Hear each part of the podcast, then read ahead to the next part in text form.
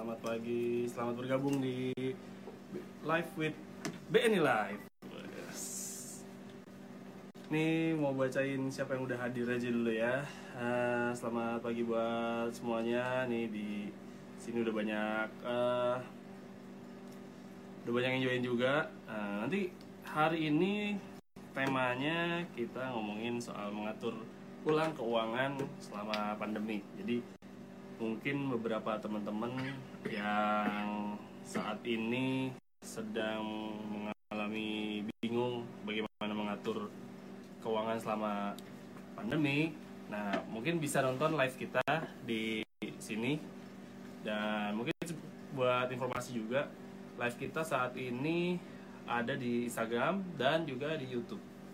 Mungkin bisa dicek YouTube-nya @bnliveid.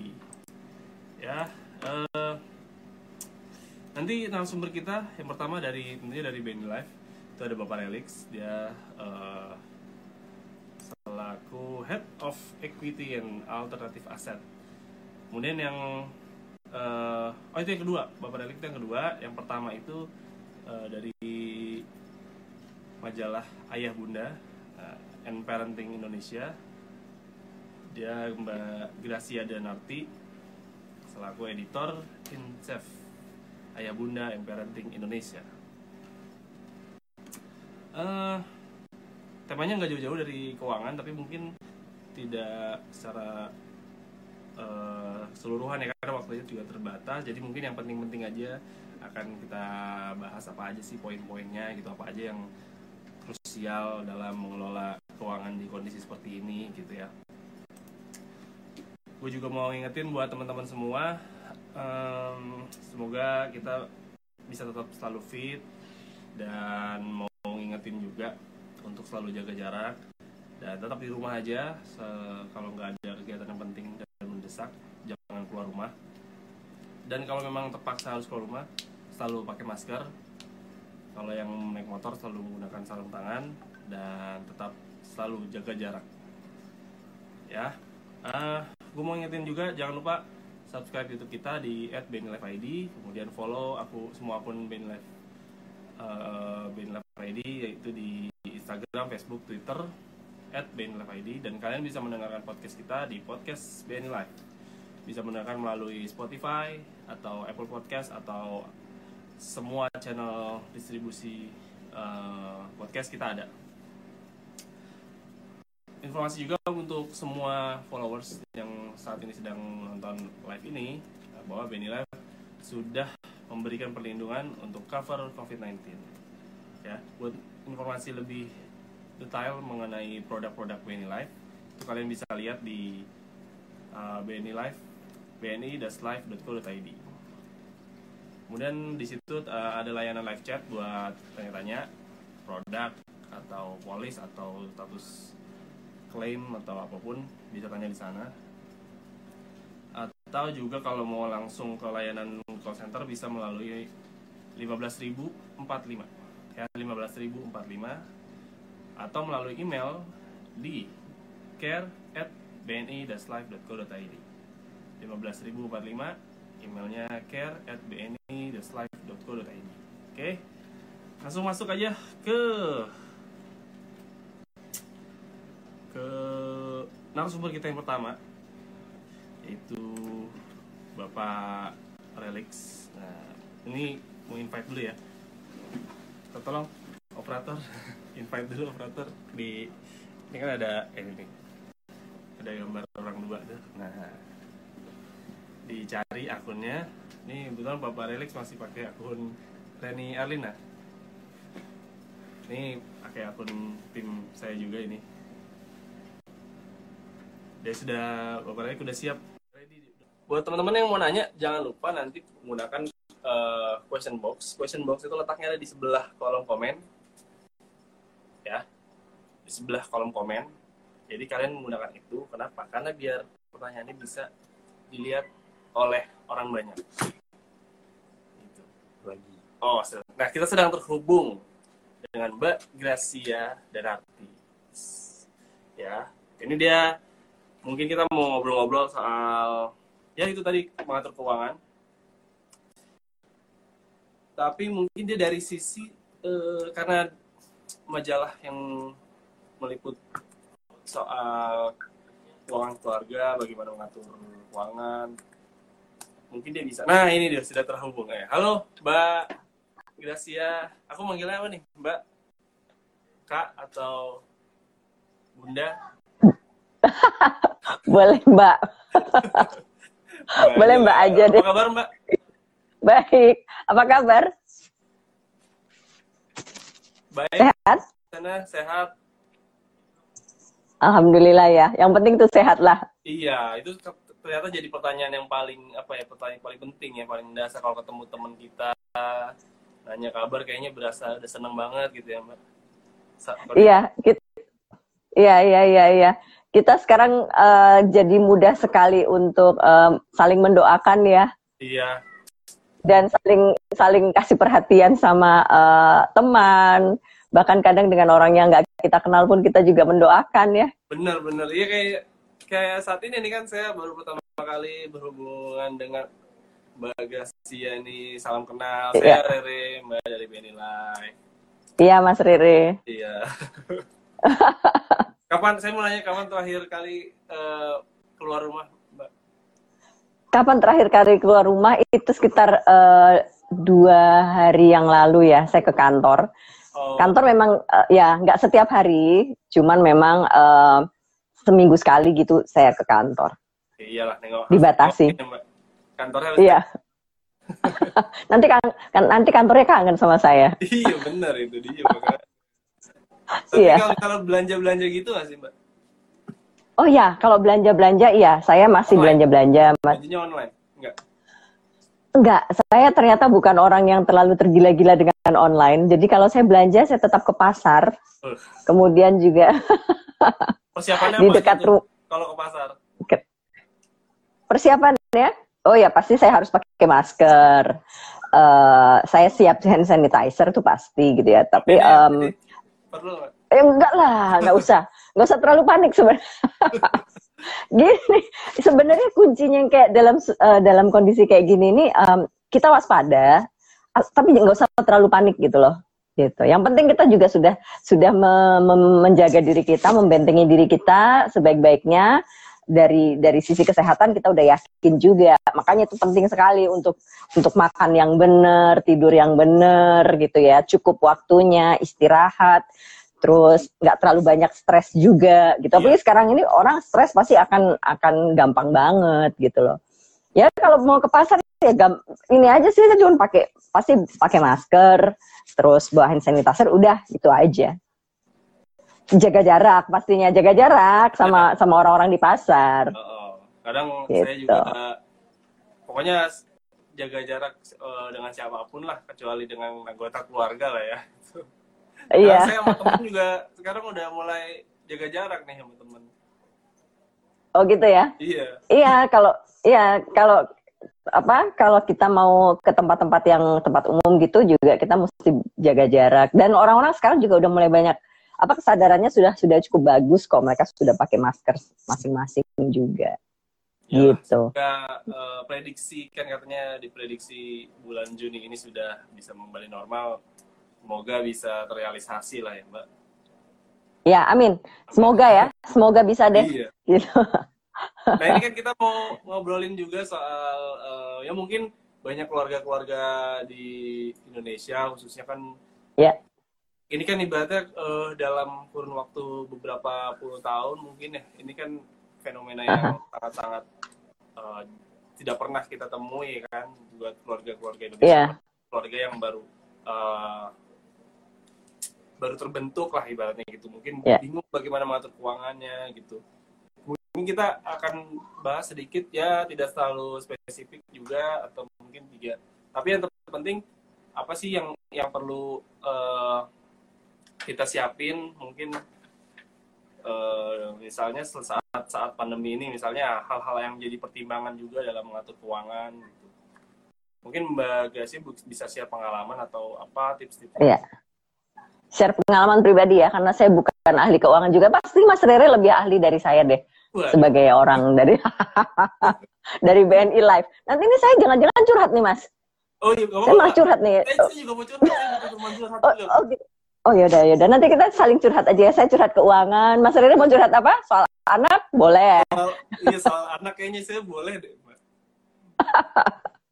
Iya, oke. Sebenarnya sih kayak yang tadi saya bilang ya, yang penting yang pertama kali itu eh, kita eh, menerima dulu deh, jangan panik gitu ya. Dalam kondisi kayak gini, nih, pasti di awal-awal tuh kita pasti kaget, pasti kita. Kalau teman saya bilang, aduh, gue kayak denial gitu gitu ya. Saya saya seperti denial gitu. Enggak apa-apa, itu satu proses yang memang harus harus terjadi sepertinya. Kita kaget kondisi kayak gini, mana pernah sih kita bayangkan sekitar tiga bulan lalu aja kita masih ngelihat itu terjadinya di Jauh terjadinya di mana gitu ya. Jauh dari kita kayaknya aduh jauh banget gitu. Ternyata juga eh, kita kena juga imbasnya. Ya sudah kita lihat saja pengalaman dari luar itu orang seperti apa dan kita juga mencoba untuk menjaga diri kita baik dari sisi kesehatan pertama itu yang paling penting sekarang. Dan kedua juga dari sisi finansial gitu. Nah dari sisi finansial juga ini eh, pasti banyak juga yang kena kena imbasnya ya. Nah, kalau saya juga, kalau saya menerapkan ke diri saya sendiri juga, saya untuk nggak nggak panik dengan kondisi seperti ini gitu, dan eh, menerima gitu ya. Ini semua orang juga udah banyak yang bilang, kalau udah kondisi kayak gini, mau nggak mau kita cuman bisa menerima, legowo, kemudian setelah itu ya kita ber apa beradaptasi dengan kondisi seperti ini. Kalau dulu kita biasanya eh, pengeluarannya sekian gitu ya, dengan kondisi sekarang ya kita mau nggak mau harus bisa uh, menyesuaikan itu gitu loh banyak hal yang bisa kita kita lakukan kok dan ini saatnya kita ini mungkin juga adalah uh, apa semua juga pasti akan merasakan ini adalah uh, saatnya kita untuk lebih ke dalam diri kita lebih bisa mengatur segalanya termasuk mengatur keuangan itu gitu sih jadi uh, hikmahnya adalah kita jadi lebih uh, bisa mengatur banyak hal termasuk keuangan Ya, Gitu. benar sih. Mungkin juga selain itu kayak tadi kan eh, sport system juga sih ya kali Mbak. Mungkin yang lebih terpenting tuh mental kayaknya Mbak. Dalam kalau misalnya mungkin Iya. kalau ya mungkin beberapa orang ada yang eh, kena dampak secara ekonomi. Tapi Kalau Iya. misalnya dari keluarganya mungkin dia eh, support sistemnya baik, kayak misalnya ya Iya. mengerti kondisinya gitu, mungkin dia it's okay aja, yang penting sehat semuanya gitu kali ya Mbak. Iya, eh, itu tadi kita juga perlu saling dukung ya, benar banget gitu loh. Kita saling dukung gitu, saling support gitu. Eh, manakala kita saat ini eh, mungkin income kita berkurang dari dari seperti bi- sebelumnya gitu, atau pasangan kita, ya udah kita kita sama-sama aja kita saling dukung. Sekarang adanya segini gitu ya, kita punya segini, apa yang mesti kita lakukan? Kemudian juga eh, eh, apa langkah-langkahnya itu tuh harus sesuatu yang realistis banget gitu loh. Kalau menurut saya realistis itu penting banget untuk saat ini gitu. Jadi nggak usah lagi pakai gengsi gitu. Iyalah. Itu sih sebenarnya menurut saya menyelamatkan kita. Mungkin yang paling berat juga merubah gaya hidup kita kali ya Mbak. Karena mungkin di kondisi normal kita seperti apa Iya. pada saat ini gaya hidup tuh pasti pasti berkurang apa berbanding Berubah, iya iya berbalik pasti, berbalik itulah pokoknya. pasti, pasti berubah gitu. Dan eh, ini aja kita harus lebih banyak tinggal di rumah aja udah berubah kan gaya hidup kita kan. Iya, saya Di satu sisi- pusing nih di rumah mulu Mbak. Ini di rumah apa di kantor nih? Saya- kondisinya saat ini lagi di kantor, cuman jadi kalau di di kantor. kantor saya ke kantor cuma untuk live ini aja Oke, gitu. Jadi iya iya. selebihnya tuh selama eh, enam hari saya di rumah karena saya kan Ya. masih ini ya, masih tinggal di eh, perumahan eh, minimalis yang sangat-sangat minimalis gitu mbak kos kosan saya masih saya masih kos kosan Iya iya iya. iya. dan itu kan kondisinya kan ya ruangan segitu-segitu aja gitu itu kita Iya. ya paling mau nggak mau paling mengandalkan YouTube dan, dan Netflix aja sih paling Iya, iya. Pasti lama-lama bosan juga atau apa. Tapi sebenarnya ya di tengah kebosanan itu kita pasti apa sih? Kita tuh ditantang untuk kreatif untuk menemukan hal-hal yang hal lain yang mungkin dulu nggak kita lakukan atau nggak kita pikirkan untuk kita lakukan gitu loh. Sama halnya dengan masalah finansial ini juga dulu kita kayaknya bisa aja eh, setiap hari um, jajan di luar atau pesan ini pesan itu lewat online segala macem delivery apa. Nah, kalau sekarang ternyata kita bisa kok gitu dengan dengan berhemat gitu ya, dengan masak sendiri di rumah, belanja ya udah di pasar atau di di tukang sayur yang lewat, kenapa enggak gitu loh. Kita tetap bisa me menghasilkan makanan yang bergizi gitu dan kita bisa coba-coba masak apa segala macam itu sih kalau kalau saya. Iya, ternyata kalau masak sendiri lebih jauh lebih hemat ya, Mbak. Kita biasalah maklum. Ini jiwa-jiwanya masih jiwa yeah. yang, yang suka jajan Iya. Main pesan online nih kita nih. terus selama Iya, iya. Jadinya masak terus nih selama kondisi kayak gini. Iya, iya. Ya sebenarnya lebih lebih hemat, kemudian juga lebih pasti lebih lebih bisa kita pastikan aman ya gitu. Apalagi kalau udah punya anak gitu ya, uh, pasti aman. Juga gizinya juga lebih bisa kita kita atur gitu loh. Dan um, sebenarnya hemat apa nggak hemat juga tergantung kita milih bahannya sih gitu loh. Dan kita tahu kandungan gizinya dari setiap makanan itu gimana gitu loh. Ya nggak harus nggak harus ahli gizi banget sih untuk untuk tahu yang seperti ini ya. Misalkan uh, kalau biasanya nih gitu ya makannya uh, apa ikannya itu harus ikan yang ikan salmon misalkan gitu ya, ya yang yang nah sekarang sekarang coba deh lihat ikan-ikan yang lokal yang ternyata kandungan gizinya juga sangat tinggi gitu loh. Misalkan nih ya, kalau kalau saya nih uh, saya ganti aja dengan kembung, misalkan kayak gitu. Ikan kembung, ikan kembung murah sekali dan bisa kita dapat di, di tukang sayur bisa, kemudian juga di pasar juga ada, di supermarket kalau misalkan biasa belanja di supermarket juga banyak. Dan itu pasti lebih murah. Itu untuk saat ini kita coba itu. Ya sesekali kalau mau coba makanan yang lebih mewah ya nggak apa-apa. Cuman dalam kondisi begini kita kan nggak tahu nih sampai kapan. Kalau tadi Mas Rere bilang sampai kayaknya bulan Juni ya. Harapannya, harapan kita semua. Harapannya ya, kan. Nah, uh, apa ya. pemberitaan juga kan sampai Juni gitu. Ya, kan sampai Juni. Ada yang bilang pokoknya Mei selesai. Ada yang bilang Juni, ada yang bilang Agustus. Kalau ahli-ahli keuangan bilang siap-siap sampai Desember. Oh, jadi kita udah harus siap kan makan sampai Desember. Aduh. Nah, iya kan. Iya gitu. Jadi gimana nih Mas Riri ini? Saya mau mau ini nih, mau konsultasi nih. Saya mesti ngatur gimana ya Desember. saya yang penting pokoknya uh, udah mulai saya udah mulai nggak belanja online lah pokoknya udah mulai udah mulai iya. ngirit lagi paling sih itu saya sih mbak sebenarnya iya oh, ya, iya. ya itu tadi kayak uh, support system itu karena saling ngingatin biasanya kalau saya Betul. kan kalau misalnya saya yang uh, hemat-hemat ternyata istri saya yang dia yang belanja belanja lebih sering repot juga nih kita iya benar saling ngingetin saling dukung gitu ya kalau kalau kalau apa dengan dengan pasangan gitu ya kemudian juga kita sama-sama ngatur itu penting banget gitu nah tapi kalau uh, kita sudah punya anak kalau anaknya udah mulai bisa diajak ngomong ya kita ajak ngomong juga kondisinya seperti ini. Kenapa harus di rumah aja? Kenapa sekarang kita nggak banyak jajan? Kenapa kita sekarang nggak banyak beli-beli ini itu segala macam? Uh, itu bisa diomongin sih. Kalau anak saya sih udah umur 12 tahun, jadi saya bisa sudah bisa terbuka untuk masalah ham. Oh, ibu kondisinya begini, ayah begini, iya. Jadi kita sama-sama gitu. Dan rasa sama-sama itu penting banget, Mas Rere. Kita merasa, uh, ya kita kita nggak sendiri gitu ya dan ini juga nggak hanya keluarga kita, nggak hanya teman-teman kita, tapi juga seluruh dunia ternyata ngalamin ini. Itu yang membuat kita sebenarnya lebih ringan kan, yang merasa apa ya ngenes sendiri gitu loh. Benar ya mbak, itu paling Gitu.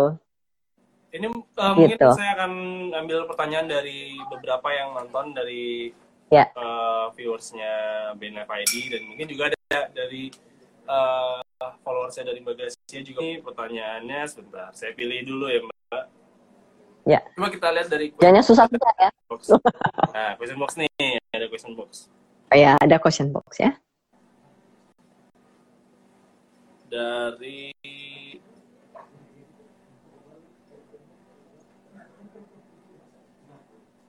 ada ini di sini belum muncul. Ini di saya udah ada nih. Oh, ada, Nih? Boleh Mbak, silakan di langsung saja dibacakan yeah. mungkin juga langsung dikasih sedikit masukan mungkin. Oke. Okay. Ini dari Ak Akmaliayu saat ini semua kan semua orang mengurangi kontak fisik langsung dengan orang-orang di luar. Menurut Mbak Grace untuk ke, pembelian kebutuhan rumah tangga secara online apakah bijak dari sisi pengeluaran apa? Ini kayaknya panjang deh. Kok oh, enggak ini ya? Curhat dia ini. Pengeluaran rumah tangga mungkin dari sisi pengeluaran rumah tangga. Sebenarnya sih uh, mengurangi kontak kontak fisik bagus juga sih ya itu untuk belanja online dan itu memudahkan juga apalagi kalau untuk kita yang yang harus uh, apa harus tinggal di rumah kemudian juga jaga anak segala macam. Ini menurut saya nggak apa-apa juga. Ini adalah salah satu solusi untuk belanja belanja kebutuhan sehari-hari. Online kan banyak sekali. Ada sayur kemudian juga uh, apa ikan daging apa segala macam kita bisa bisa belanja online. Nggak apa-apa. Tapi ya itu sekali lagi sesuaikan dengan uh, uh, keuangan kita sih. Kalau menurut saya ya. Kalau dari sisi pengelolaan rumah tangga ya itu pintar-pintarnya kita memilih bahannya apa, kemudian juga yang penting gini, kalau kebutuhan rumah tangga kita minuman-minuman dan gizi terutama untuk uh, uh, apa itu kan untuk daya tahan tubuh kita gitu supaya kita sehat. Itu yang nggak boleh kita kurang-kurangin sebenarnya, tetapi bukan bukan uh, si si bahannya, tetapi kualitas gizinya yang nggak boleh boleh kurang. Kalau menurut saya ya, jadi seperti yang saya tadi bilang, kalau mau belanja, ya kita lihat dulu bahan apa yang mau kita beli gitu. Jadi kita tahu uh, budget kita berapa. Kita tentukan dulu aja budgetnya berapa gitu. Nah uh, itu sih untuk untuk bisa mengurangi uh, apa pembengkakan uh, budget belanja. Ya, Oke, okay, kurangnya bukan gizinya tapi ya apa jenis makanannya mungkin bisa dipilih. Jenis bahannya iya. Ya nggak usah terlalu iya. lah ya mbak. Nggak usah terlalu ya tadi bahannya misalnya bisa ikan ikan yang ikan lokal iya. harus salmon iya. ya. Iya iya ikan-ikan lokal itu banyak sekali yang yang yang yang tinggi sekali gizinya. Atau sayur mayur yang yang yang yang apa yang sangat uh, banyak nutrisinya. Itu yang murah-murah banyak loh sebenarnya. Gitu lagi pertanyaannya? Ya. Jangan lupa kalau belanja-belanja dari luar itu biasanya orang juga uh, ma apa mensterilkan ini itu segala macam. Oke itu boleh, tetapi menurut saya ya yeah. dicuci saja, dicuci bersih dengan air, air mengalir. Kalau memang uh, ada uh, apa bisa dicampur dengan garam sedikit gitu ya, uh, direndam air, air garam sebentar, kemudian di, dicuci bersih dengan air mengalir gitu. Atau ada juga uh, pencuci buah dan sayur gitu ya. Kalau kalau ibu uh, belanja buah dan sayur ada juga. Nah itu sudah cukup sih dikeringkan, kemudian nanti bisa masuk ke kulkas. Oke, pertanyaan selanjutnya nih, udah? Oke. Ini. Iya mbak, boleh mungkin. Uh... Oke, saya bacain. Iya mbak, boleh mbak. Oke, Bu, ini dari Tipang. Bu, gimana cara membangun komitmen diri kita supaya taat untuk untuk menabung? Uh, ya mesti komitmen, gitu, mesti punya komitmen ya. Sejujurnya Mas Rere, saya adalah penabung. Wow. Dan uh, ya buat saya gini, saya udah diajarin untuk uh, rajin menabung itu oleh orang tua saya dari saya kecil. Dan saya adalah nasabah Anda, Mas Rere. gitu. Jadi um, apa dari kecil memang sudah biasa. Jadi itu penting sekali tabungan itu untuk masa-masa sekarang itu penting sekali. Kita akan tahu rasanya bahwa uh, uh, di tengah kondisi seperti ini tabungan itu sangat menolong gitu. Ini yang yang sering kali dibilang mungkin adalah ada dana darurat apa segala macam. Kalau sekarang kita mau mau gini, sekarang saya tidak bisa menyisihkan uang nih untuk ya memang agak sulit ya untuk saat ini apalagi dengan pemotongan banyak yang mengalami pemotongan untuk wirausaha wirausaha juga banyak yang apa berkurang pemasukannya.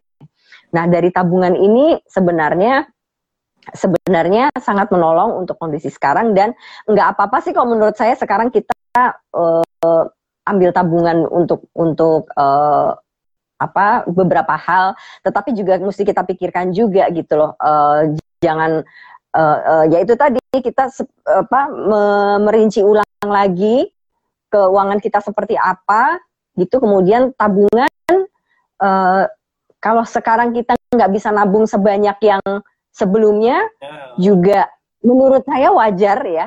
Menurut saya wajar gitu. Kalau misalkan eh, sekarang bisa menabung sedikit sekali ya nggak apa-apa. Atau malah nggak bisa nabung tapi yang penting ada tabungan yang bisa kita ambil itu itu baik sih. Jadi memang yang namanya menabung itu perlu komitmen sih perlu komitmen banget dan anak-anak itu sebenarnya udah bisa diajarin untuk menabung sih Mas Rere dari dari Iya. kecil ya Mm-mm, gitu Lagi dari kecil Diajarin dari umur berapa mbak?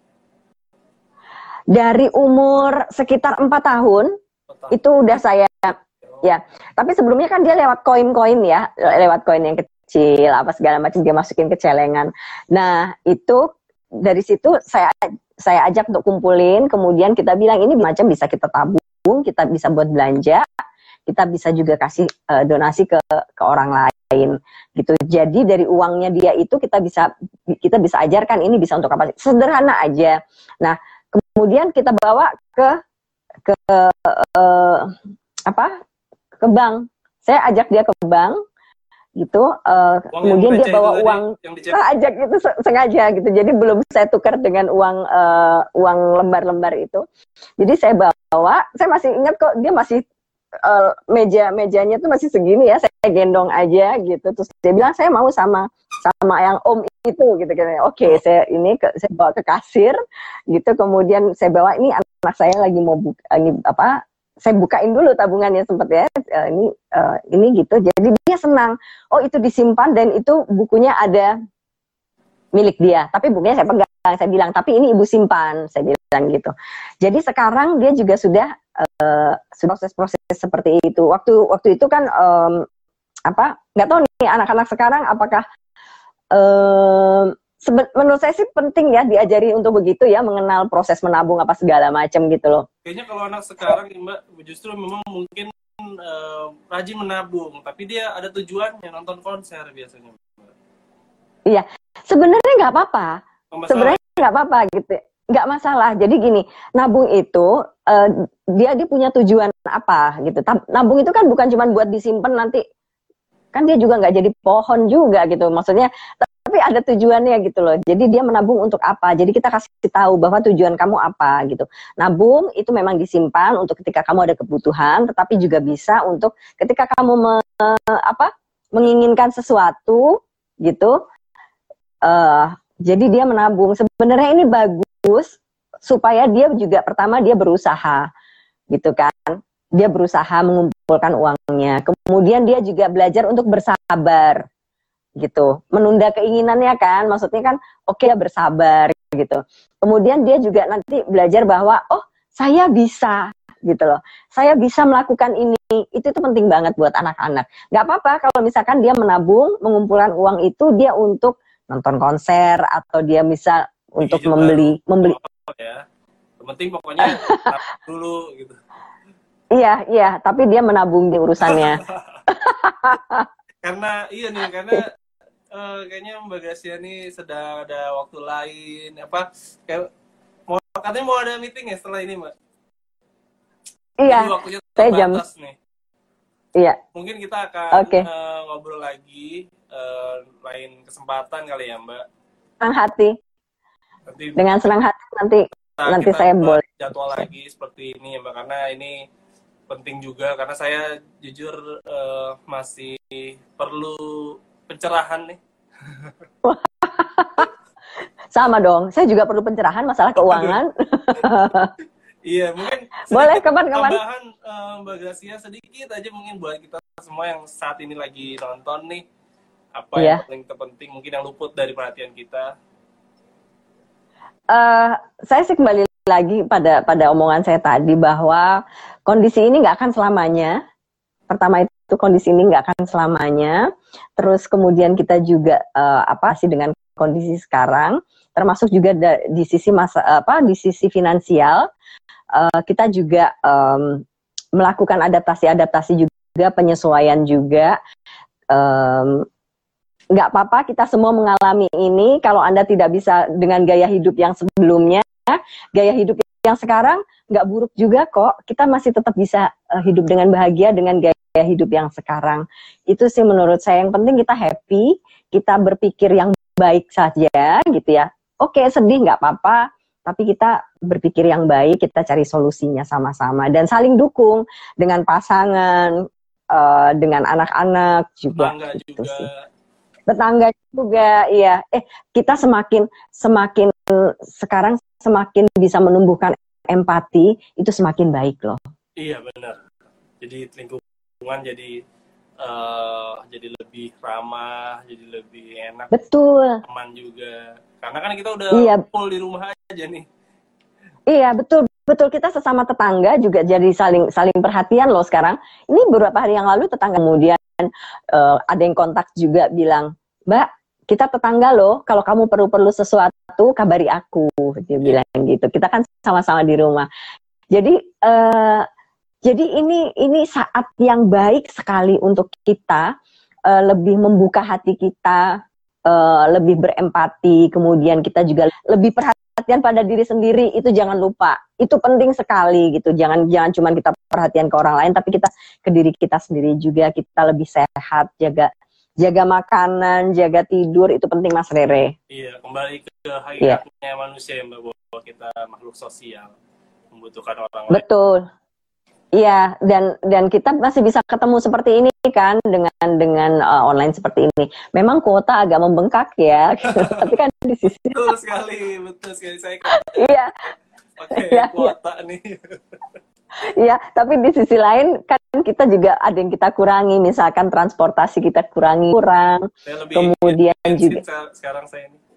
Betul, ini adalah kompen apa dialihkannya ke sini. Sebenarnya sih nggak nggak apa sih ada yang bisa kita kurangi. Memang di satu sisi lain membengkak, ada tapi ada yang bisa kita kurangi juga gitu. Tapi kualitas hidup kita hanya kita yang bisa menentukan kok Mas Rere. Betul. Kita harus tetap bisa baik bahwa kita tetap bisa dengan kualitas hidup yang baik. Yang penting happy. Oke, tapi tetap berpikir positif lah ya, Mbak. Ya, gitu. Oke, terima kasih Mbak Gasia atas waktunya, infonya, Sama-sama Mas Rere. Terima kasih banyak. Iya. Ya, pokoknya nanti lagi ya, Mbak. Sip, saya tunggu kontaknya. Siap, siap. Kita ngobrol-ngobrol ya. Salam untuk keluarga Oke. semua, Mbak Gracia dan juga tim eh, tim kerjanya juga. Iya. Iya. Saya juga salam buat teman-teman di BNI Live. Terima kasih banyak sudah mengundang saya. Mungkin next time teman-teman di BNI Live bisa sharing ke Ayah Bunda dan Parenting Indonesia untuk ngobrol-ngobrol, kasih semangat juga ke Ayah dan Bunda di komunitas kami. Oke. Bisa juga kan Nanti gitu kita saya sama-sama. akan ngobrol dengan eh, divisi investasi.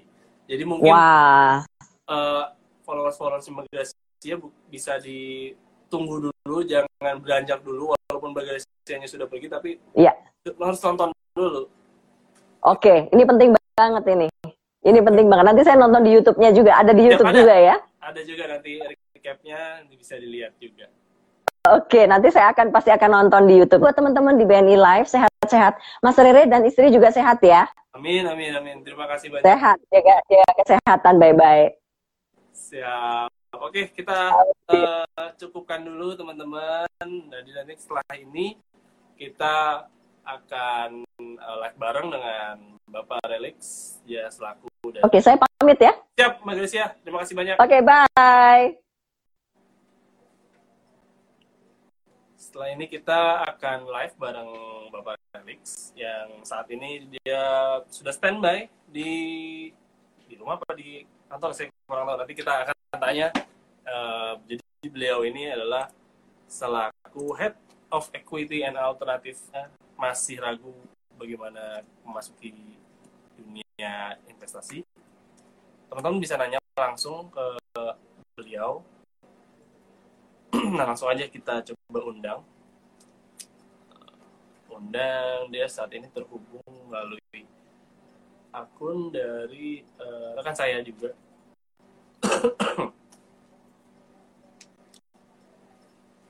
Bapak Relix Selamat pagi, Mas Rere. Eh, gimana kabarnya Pak sehat Pak Sehat.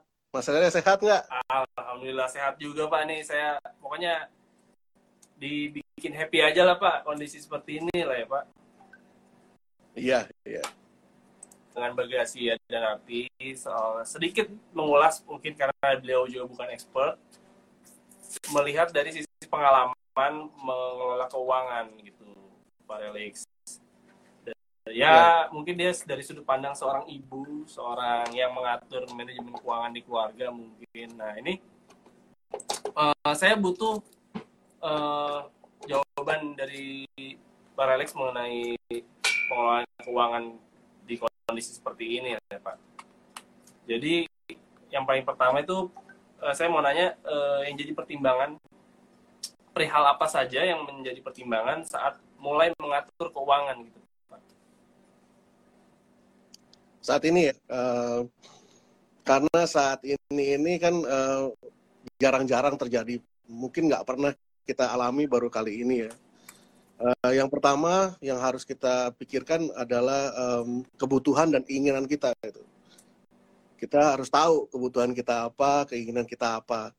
Kemudian berapa kuat pendapatan kita dan akhirnya kita juga harus banyak belajar gitu. Jadi tiga hal ini yang harus kita uh, uh, uh, mengerti akan situasi saat ini sebelum kita melakukan um, perencanaan keuangan sih sebetulnya sih. Jadi uh, kadang-kadang kan kalau keinginan sama kebutuhan ada yang bilang beda-beda tipis. Menurut saya sih kebutuhan tuh sandang pangan papan gitu kan ya. Yang lainnya kan uh, uh, harusnya keinginan ya. Nah yeah. itu di, dikontrol juga. Kemudian kita juga harus tahu uh, kekuatan pendapatan kita, pemasukan kita seperti apa. Itu harus disinkronkan dengan kebutuhan dan keinginan kita. Serta kita juga harus belajar sih akhirnya. Uh, apakah kalau udah yang menerapkan perencanaan keuangan, ini adalah waktu yang tepat untuk evaluasi. Kira-kira perencanaan keuangan saya mengalami hal demikian kuat apa enggak? Kalau belum yang belum melaksanakan ya mulai mem memikirkan mungkin satu waktu akan terjadi seperti ini lagi apa yang harus dilakukan. Itu sih. Oke, iya benar banget tuh Pak ya. Jadi mungkin mulai dari apa mencatat pengeluaran kita selama ini ya Pak Iya. Nah itu juga kalau saya tanya, uh, saya tanya beberapa orang, eh, pengeluaran kalian tuh sebulan seberapa? Sebetulnya uh, jawaban yang salah. Ya. Harusnya kita tahu, tahu persis pengeluaran kita berapa sebulan. Karena kita juga harus harus untuk merencanakan keuangan, kita harus tahu persis uh, pengeluaran kita berapa gitu. Kalau saya tanya Mas Rere, tahu nggak pengeluaran sebulannya berapa gitu? Nah, itu dia sih tapi saya tahunya yang pokok-pokok aja sih biasanya tuh yang sering kecolongan tuh yang di luar dari biasanya kan ya kayak misalnya tiba-tiba pengen apa beberapa kali itu saya sering pesen online gitu atau misalnya belanja barang online itu biasanya tuh yang tanpa di saya sadari ternyata itu eh, nominalnya lumayan tuh pak itu kepepet itu uh, apa antara dana emergency sama keinginan kepepet itu beda-beda tipis juga kali ya. Oh gitu. Tapi itu masih maksudnya uh, masih diwajarkan apa tidak tuh Pak kayak gitu Pak? Atau memang harus ada alokasi sendiri? Uh, memang harus ada alokasi sendiri sih.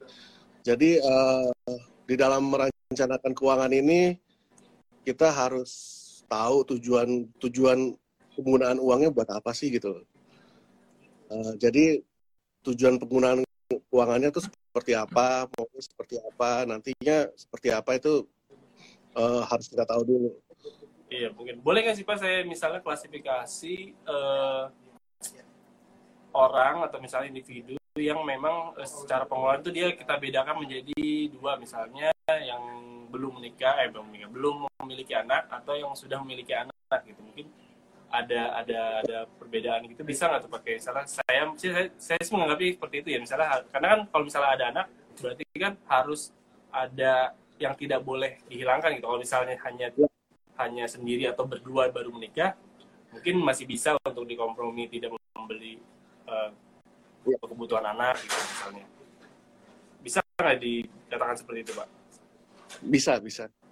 Jadi uh, uh, dalam mengelola keuangan memiliki apa menjadi keluarga baru atau sebelum ada keluarga atau setelah punya anak itu pasti berbeda pasti jauh berbeda lah. Uh, salah satunya kan kita harus menentukan tujuan penggunaan uang ya. Uh, itu ada beberapa sebetulnya. Jadi penggunaan uang itu ada yang ada empat. Pertama untuk operasional. Nah operasional ini dari gaji sebulan selama sebulan pengeluaran kita berapa. Nah itu harus kita hitung. Itu untuk biaya operasional sehari-hari kita. Terus uh, orang-orang bilang sih dana emergency itu uh, sama dengan enam bulan gaji ya, atau enam bulan uh, pengeluaran. Enam bulan gaji sama enam bulan pengeluaran beda loh. Ya, kalau enam bulan gaji itu berarti lebih lebih tinggi lagi. Lebih gitu. tinggi lagi ya benar. Tinggi lagi kan. Kalau pengeluaran kan harusnya lebih rendah daripada gaji kita ya. Jadi uh, kalau untuk pas-pasannya sih 6, 6 bulan pengeluaran.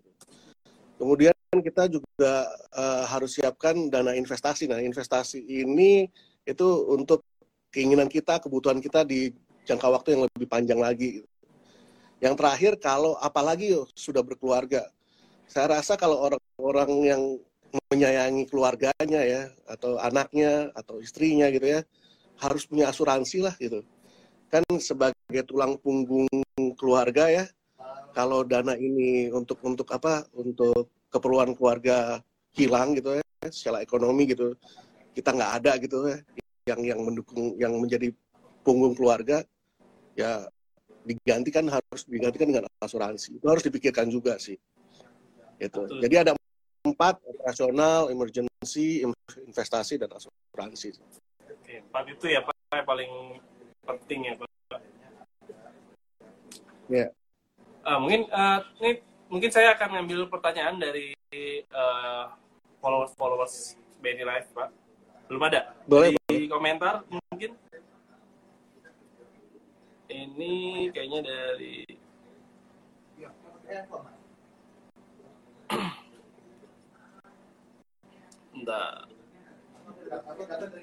Oh, mungkin ini Pak tentang perencanaan keluarga. Jadi uh, kan tadi bapak bilang tuh sempat singgung juga kita harus menyiapkan dana darurat enam bulan. Berarti kalau yang misalnya secara, secara apa pengetahuan ini mungkin banyak yang belum tahu juga pak. Nah uh, untuk dua satu sampai dua bulan gitulah pak.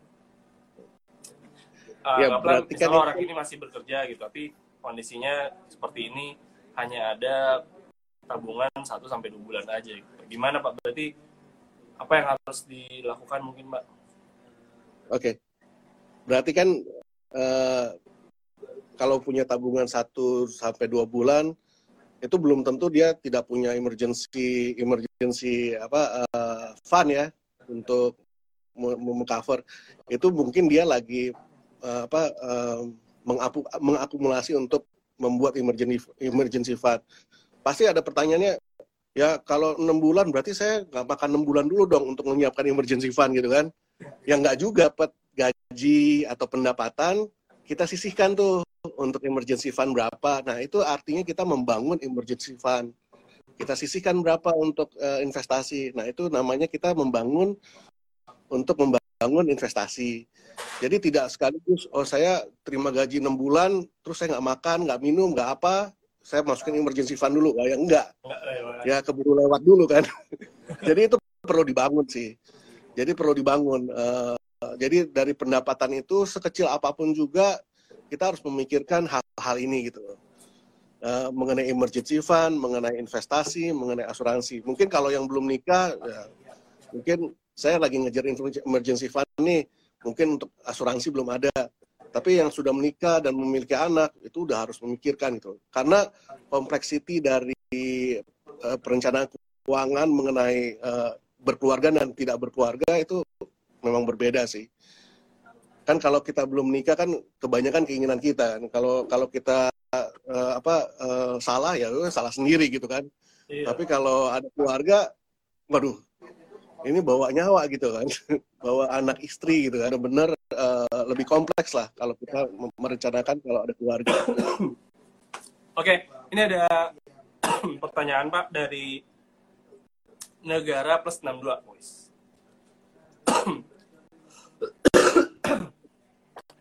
Gimana sih membangun aware masyarakat terhadap perencanaan? Mungkin yaitu orang baru baru pada aware ketika kondisi seperti ini gitu. Mungkin uh, ya selama beberapa bulan lalu mungkin dia merasa uh, keuangannya baik-baik saja gitu. Gimana tuh pak rasa awarenya itu pak sebenarnya sih banyak sih apa buku-buku mengenai ini. Yang tadi saya katakan yang dari pertama kan yang perlu kita pikirkan adalah kebutuhan, keinginan, kedua pendapatan berapa, gitu kan, dan terakhir adalah pembelajaran sih. Uh, mau aware ya bagus ada, maksudnya ada hikmahnya juga kejadian seperti ini supaya kita aware bagaimana terhadap uh, apa situasi seperti ini. Atau keuangan kita lemah nih ke keadaan seperti ini. Nah, waktunya kita belajar sih sebetulnya. Makanya um, perlu banyak belajar mengenai uh, apa uh, tahu bagaimana uh, uh, merencanakan keuangan. Oke. Ini ada dari Morgan Indo Simo. Pak boleh minta saran Pak untuk asuransi pendidikan anak. Nah, terima kasih sebelumnya. Asuransi pendidikan anak tuh Pak. Asuransi pendidikan anak itu bagus. Memang harus ya, apalagi saat-saat di COVID-19 ini kan biasanya kan uh, kalau uh, teman-teman pernah baca beberapa beberapa minggu yang lalu ya, ada orang tuanya meninggal ya karena orang tuanya kan COVID-19 ya. Uh, dokter satu perawat ya itu uh, orang tuanya itu ya harusnya pada saat itu kan sudah ada asuransinya gitu loh untuk uh, anaknya.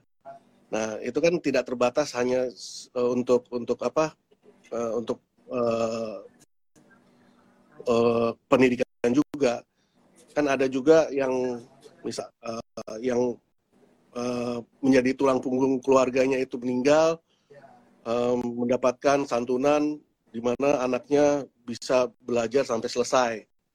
Ya, kalau nggak salah kita punya tuh. Uh, saya punya sih, saya punya, saya punya. Nah itu kayak seperti itu. Uh, jadi uh, anak juga sudah terjamin sekolahnya gitu, sampai waktu dia selesai.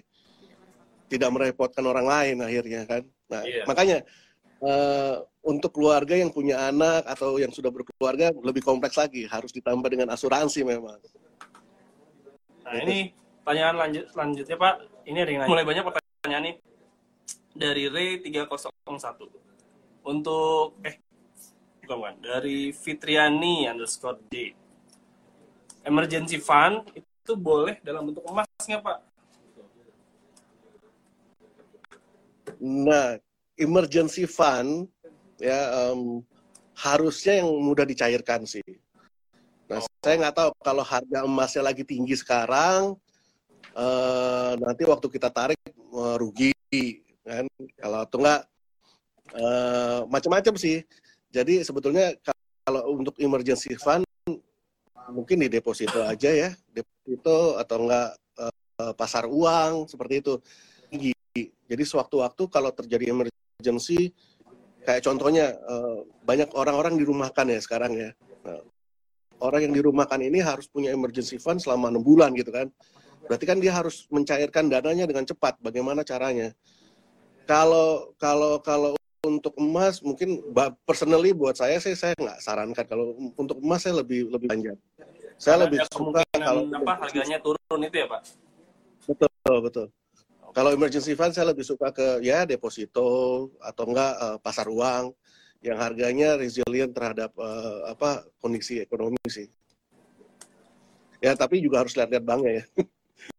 Ntar nah, tiba-tiba nah, ya habis semua. Uh, untuk saat kondisi saat ini, untuk uh, yang mau memulai investasi, untuk asuransi unit link itu gimana Pak?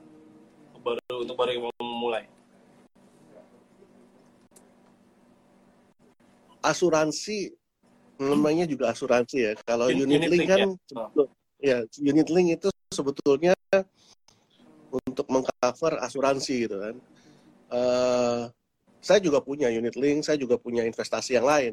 Tapi bagi saya, ini buat saya ya, saya menggunakan unit link itu sebagai asuransi sih, lebih lebih daripada asuransi daripada investasinya. Investasinya itu hanya hanya tambahan kalau oh ya kalau naik ya bagus.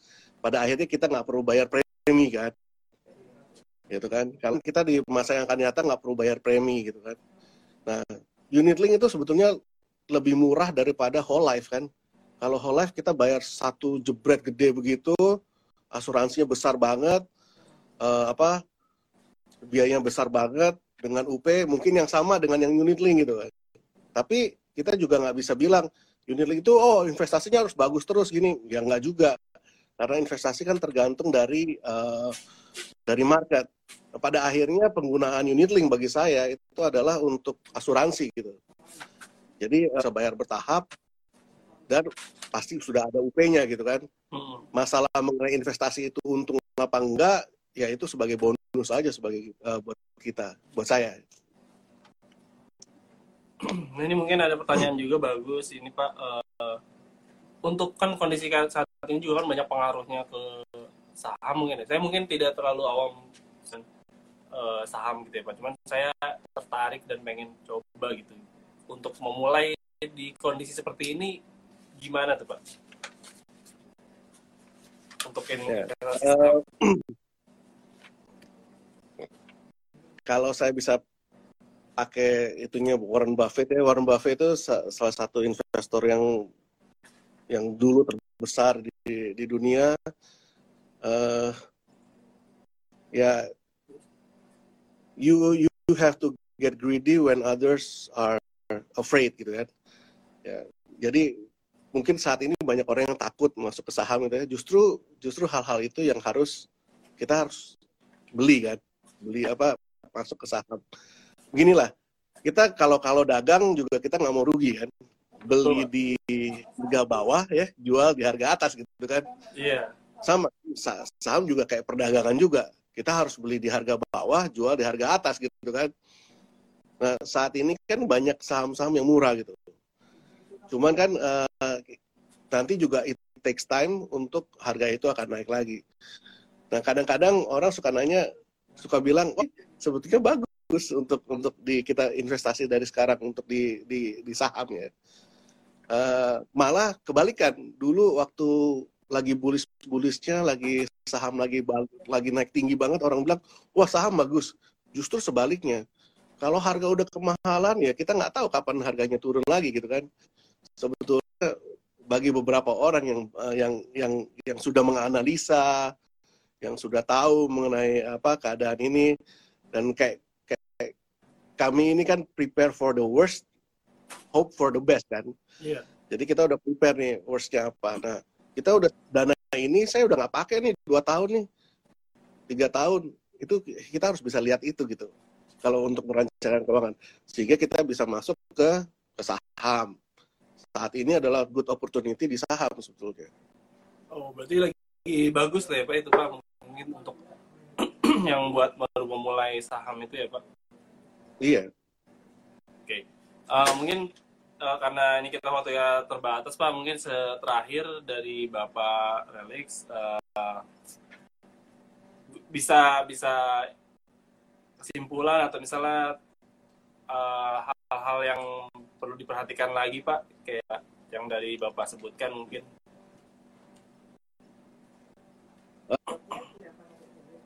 By the way, kita juga punya produk kita ya, apa uh, yang untuk cover COVID-19 ya, ya uh, saat ini.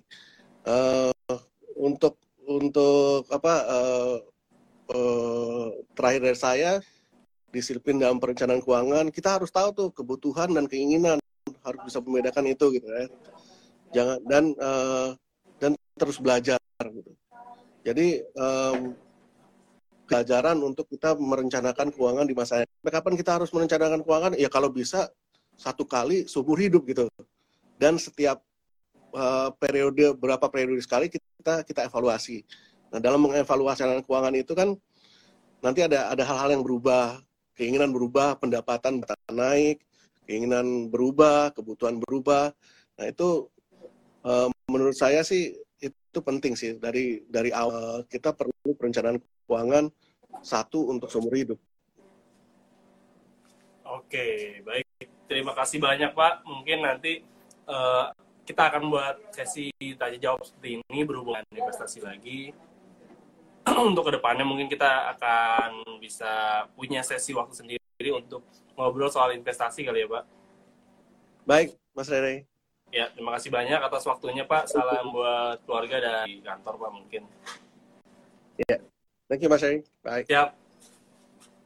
Oke, okay. uh, buat teman-teman semua itu tadi mungkin saja tidak tidak secara teknis mendetail seperti apa, tapi banyak yang informasi yang harus kita yang jadi jadi kita paham gitu. Terutama saya sendiri kan menangkap uh, kita ternyata harus punya tabungan minimal bulan. Itu pun minimal ya.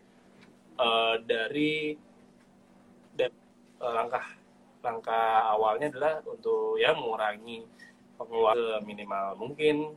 Dan paling penting itu kita harus tetap tetap menabung dalam kondisi ini sampai kapan. Walaupun pemberitaan Juni sudah diprediksikan tapi yang namanya prediksi bisa meleset gitu. terima kasih banyak yang sudah menonton. Uh, tayangan ini bisa kalian lihat di YouTube at ID jangan lupa subscribe. Uh, kita ada akun sosial media Instagram Facebook dan Twitter. Untuk uh, informasi detail mengenai produk kalian bisa uh, langsung melihat di web kita BNI di situ uh, banyak informasi. Ada misalnya baru memulai memilih produk asuransi bisa menggunakan kalkulator asuransi di homepage kita ada. Dan kita juga uh, live ini akan diputar kembali bisa di kalian dengar melalui podcast BNI BNI daslive.co.id ya kalian mau nanya soal polis atau status klaim uh, lebih baik kalian langsung menghubungi care at bni-life.co.id ya email melalui email atau call center tadi ya 15.045 uh, terakhir informasi bahwa BNI Life memberikan perlindungan untuk cover. Itu saja mungkin dari saya dan rekan-rekan semua. Pokoknya selalu jaga kesehatan uh, jangan lupa kalau keluar rumah pakai masker kalau yang naik kendaraan motor menggunakan sarung tangan dan selalu jaga gaya hidup sehat. Sampai jumpa. Wassalamualaikum warahmatullahi wabarakatuh.